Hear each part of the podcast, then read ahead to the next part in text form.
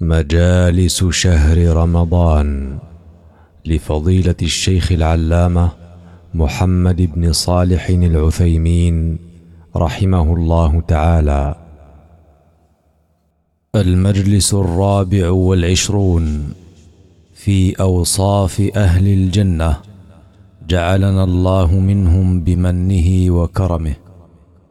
الحمد لله الذي كون الأشياء وأحكمها خلقا وفتق السماوات والأرض وكانتا رتقا وقسم بحكمته العباد فأسعد واشقى وجعل للسعادة بابا فسلكها من كان اتقى فنظر بعين البصيرة إلى العواقب فاختار ما كان ابقى أحمده وما أقضي له بالحمد حقا وأشكره ولم يزل للشكر مستحقا وأشهد أن لا إله إلا الله وحده لا شريك له مالك الرقاب كلها رقا وأشهد أن محمدا عبده ورسوله أكمل البشر خلقا وخلقا. صلى الله عليه وعلى صاحبه أبي بكر الصديق الحائز فضائل الأتباع سبقا وعلى عمر العادل فما يحابي خلقا وعلى عثمان الذي استسلم للشهادة وما توقى وعلى علي بائع ما يفنى ومشتري ما يبقى وعلى آله وأصحابه الناصرين لدين الله حقا. وسلم تسليما. إخواني سمعتم أوصاف الجنة ونعيمها وما فيها من السرور والفرح والحبور فوالله إنها لجديرة بأن يعمل لها العاملون ويتنافس فيها المتنافسون ويفني الإنسان عمره في طلبها زاهدا في الدون. فإن سألتم عن العمل لها والطريق الموصل إليها فقد بينه الله فيما أنزله من وحيه على أشرف رسله. قال الله عز وجل وسارعوا إلى مغفرة من ربكم وجنة عرضها السماوات والأرض أعدت للمتقين. الذين ينفقون في السراء والضراء والكاظمين الغيظ والعافين عن الناس والله يحب المحسنين والذين إذا فعلوا فاحشة أو ظلموا أنفسهم ذكروا الله فاستغفروا لذنوبهم ومن يغفر الذنوب إلا الله ولم يصروا على ما فعلوا وهم يعلمون فهذه عدة أوصاف من أوصاف أهل الجنة. الوصف الأول المتقين وهم الذين اتقوا ربهم باتخاذ الوقاية من عذابه بفعل ما أمرهم به طاعة له ورجاء لثوابه وترك ما نهاهم عنه طاعة له وخوفا من عقابه.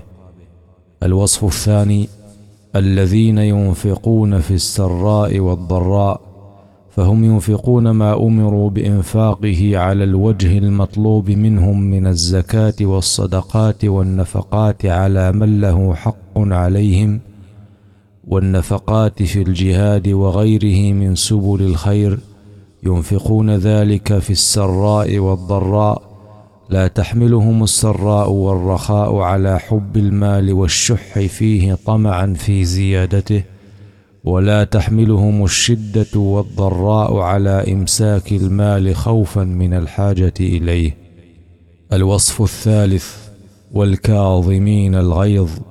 وهم الحابسون لغضبهم إذا غضبوا فلا يعتدون ولا يحقدون على غيرهم بسببه. الوصف الرابع والعافين عن الناس. يعفون عمن ظلمهم واعتدى عليهم. فلا ينتقمون لأنفسهم مع قدرتهم على ذلك وفي قوله تعالى والله يحب المحسنين إشارة إلى أن العفو لا يمدح إلا إذا كان من الإحسان وذلك بأن يقع موقعه ويكون إصلاحا. فأما العفو الذي تزداد به جريمة المعتدي فليس بمحمود ولا مأجور عليه. قال الله تعالى فمن عفا وأصلح فأجره على الله. الوصف الخامس والذين إذا فعلوا فاحشة أو ظلموا أنفسهم ذكروا الله فاستغفروا لذنوبهم. الفاحشة ما يستفحش من الذنوب وهي الكبائر كقتل النفس المحرمة بغير حق وعقوق الوالدين وأكل الربا وأكل مال اليتيم والتولي يوم الزحف والزنا والسرقة ونحوها من الكبائر. وأما ظلم النفس فهو أعم فيشمل الصغائر والكبائر. فهم إذا فعلوا شيئا من ذلك ذكروا عظمة من عصوه فخافوا منه وذكروا مغفرته ورحمته فسعوا في أسباب ذلك. فاستغفروا لذنوبهم بطلب سترها والتجاوز عن العقوبة عليها. وفي قوله ومن يغفر الذنوب إلا الله إشارة إلى أنهم لا يطلبون المغفرة من غير الله لأنه لا يغفر الذنوب سواه. الوصف السادس ولم يصروا على ما فعلوا وهم يعلمون أي لم يستمروا على فعل الذنب وهم يعلمون أنه ذنب ويعلمون عظمة من عصوه ويعلمون قرب مغفرته بل يبادرون إلى الإقلاع عنه والتوبة منه. فالإصرار على الذنوب مع هذا العلم يجعل الصغائر كبائر ويتدرج بالفاعل إلى أمور خطيرة صعبة. وقال تعالى قد أفلح المؤمنون الذين هم في صلاتهم خاشعون والذين هم عن اللغو معرضون والذين هم للزكاة فاعلون والذين هم لفروجهم حافظون إلا على أزواجهم أو ما ملكت أيمانهم فإنهم غير ملومين فمن ابتغى وراء ذلك فأولئك هم العادون والذين هم لأماناتهم وعهدهم راعون والذين هم على صلواتهم يحافظون أولئك هم الوارثون الذين يرثون الفردوس هم فيها خالدون فهذه الآيات الكريمة جمعت عدة أوصاف من أوصاف أهل الجنة. الوصف الأول المؤمنون. الذين آمنوا بالله وبكل ما يجب الإيمان به من ملائكة الله وكتبه ورسله واليوم الآخر والقدر خيره وشره. آمنوا بذلك إيمانا يستلزم القبول والإذعان والانقياد بالقول والعمل. الوصف الثاني الذين هم في صلاتهم خاشعون. حاضرة قلوبهم ساكنة جوارحهم يستحضرون أنهم قائمون في صلاتهم بين يدي الله عز وجل يخاطبونه بكلامه ويتقربون إليه بذكره ويلجؤون إليه بدعائه فهم خاشعون بظواهرهم وبواطنهم. الوصف الثالث والذين هم عن اللغو معرضون. واللغو كل ما لا فائدة فيه ولا خير من قول أو فعل فهم معرضون عنه لقوة عزيمتهم وشدة حزمهم لا يمضون أوقاتهم الثمينة إلا فيما فيه فائدة. فكما حفظوا صلاتهم بالخشوع حفظوا أوقاتهم عن الضياع. وإذا كان من وصفهم الإعراض عن اللغو وهو ما لا فائدة فيه فإعراضهم عما فيه مضرة من باب أولى. الوصف الرابع والذين هم للزكاة فاعلون. يحتمل أن المراد بالزكاة القسط الواجب دفعه من المال الواجب زكاته ويحتمل أن المراد بها كل ما تزكو به نفوسهم من قول أو عمل. الوصف الخامس والذين هم لفروجهم حافظون إلا على أزواجهم أو ما ملكت أيمانهم فإنهم غير ملومين. فهم حافظون لفروجهم عن الزنا واللواط لما فيهما من معصية الله والانحطاط الخلقي والاجتماعي. ولعل حفظ الفرج يشمل ما هو أعم من ذلك. فيشمل حفظه عن النظر واللمس أيضا. وفي قوله فإنهم غير ملومين إشارة إلى أن الأصل لوم الإنسان على هذا الفعل إلا على الزوجة والمملوكة لما في ذلك من الحاجة إليه لدفع مقتضى الطبيعة وتحصيل النسل وغيره من المصالح. وفي عموم قوله فمن ابتغى وراء ذلك فأولئك هم العادون. دليل على تحريم الاستمناء الذي يسمى العادة السرية لأنه عملية في غير الزوجات والمملوكات.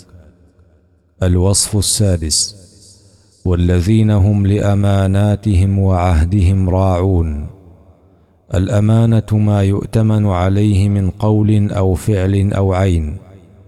فمن حدثك بسر فقد ائتمنك ومن فعل عندك ما لا يحب الاطلاع عليه فقد ائتمنك ومن سلمك شيئا من ماله لحفظه فقد ائتمنك.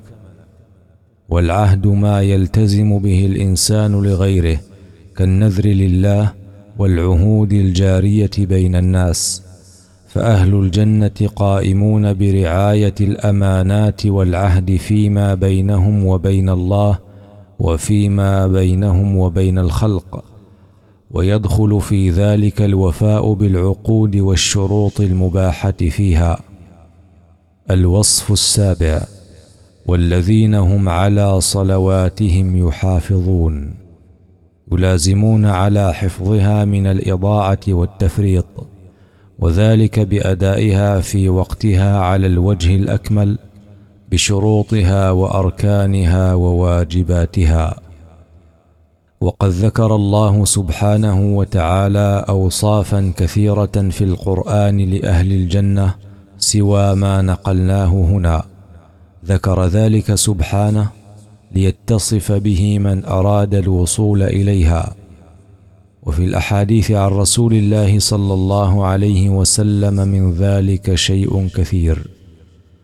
فعن أبي هريرة رضي الله عنه أن النبي صلى الله عليه وسلم قال من سلك طريقا يلتمس فيه علما سهل الله له به طريقا إلى الجنة. رواه مسلم. وله عنه أيضا أن النبي صلى الله عليه وسلم قال ألا أدلكم على ما يمحو الله به الخطايا ويرفع به الدرجات؟ قالوا بلى يا رسول الله. قال إسباغ الوضوء على المكاره وكثرة الخطى إلى المساجد وانتظار الصلاة بعد الصلاة.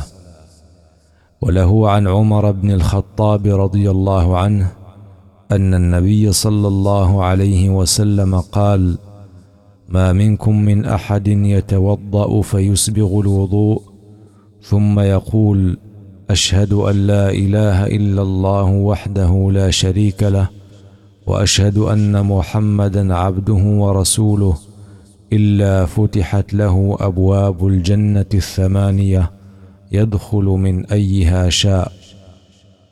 وعن عمر بن الخطاب رضي الله عنه أيضا في من تابع المؤذن من قلبه دخل الجنة. رواه مسلم. وعن عثمان بن عفان رضي الله عنه أن النبي صلى الله عليه وسلم قال من بنى مسجدا يبتغي به وجه الله بنى الله له بيتا في الجنة. متفق عليه. وعن عبادة بن الصامت رضي الله عنه أن النبي صلى الله عليه وسلم قال خمس صلوات كتبهن الله على العباد فمن جاء بهن ولم يضيع منهن شيئا استخفافا بحقهن كان له عند الله عهد أن يدخله الجنة. رواه الإمام أحمد وأبو داود والنسائي. وعن ثوبان رضي الله عنه أنه سأل النبي صلى الله عليه وسلم عن عمل يدخله الله به الجنة فقال عليك بكثرة السجود فإنك لا تسجد لله سجدة إلا رفعك الله بها درجة وحط عنك بها خطيئة رواه مسلم. وعن أم حبيبة رضي الله عنها أن النبي صلى الله عليه وسلم قال ما من عبد مسلم يصلي لله تعالى في كل يوم اثنتي عشرة ركعة تطوعا غير فريضة إلا بنى الله له بيتا في الجنة رواه مسلم. وهن أربع قبل الظهر وركعتان بعدها وركعتان بعد المغرب وركعتان بعد العشاء وركعتان قبل صلاة الصبح. وعن معاذ بن جبل رضي الله عنه أنه قال لرسول الله صلى الله عليه وسلم أخبرني بعمل يدخلني الجنة ويباعدني عن النار. قال لقد سألت عن عظيم وإنه ليسير على من يسره الله عليه. تعبد الله ولا تشرك به شيئا وتقيم الصلاة وتؤتي الزكاة وتصوم رمضان وتحج البيت. الحديث رواه أحمد والترمذي وصححه. وعن سهل بن سعد رضي الله عنه أن النبي صلى الله عليه وسلم قال إن في الجنة بابا يقال له الريان. يدخل منه الصائمون يوم القيامة. لا يدخل منه أحد غيرهم. الحديث متفق عليه. وعن أبي هريرة رضي الله عنه أن النبي صلى الله عليه وسلم قال العمرة إلى العمرة كفارة لما بينهما والحج المبرور ليس له جزاء إلا الجنة. متفق عليه. وعن جابر رضي الله عنه قال قال رسول الله صلى الله عليه وسلم من كان له ثلاث بنات يؤويهن ويرحمهن ويكفلهن وجبت له الجنة البتة. قيل يا رسول الله فإن كانت اثنتين؟ قال وإن كانت اثنتين؟ قال فرأى بعض القوم أن لو قال واحدة لقال واحدة. رواه أحمد. وعن أبي هريرة رضي الله عنه أن النبي صلى الله عليه وسلم سئل عن أكثر ما يدخل الجنة فقال تقوى الله وحسن الخلق رواه الترمذي وابن حبان في صحيحه. وعن عياض بن حمار المجاشعي أن النبي صلى الله عليه وسلم قال أهل الجنة ثلاثة ذو سلطان مقسط متصدق موفق ورجل رحيم رقيق القلب لكل ذي قربى ومسلم عفيف متعفف ذو عيال. رواه مسلم في حديث طويل. فهذه أيها الإخوان طائفة من أحاديث النبي صلى الله عليه وسلم تبين شيئا كثيرا من أعمال أهل الجنة لمن أراد الوصول إليها. أسأل الله أن ييسر لنا ولكم سلوكها ويثبتنا عليها. إنه جواد كريم. وصلى الله وسلم على نبينا محمد وآله وصحبه أجمعين.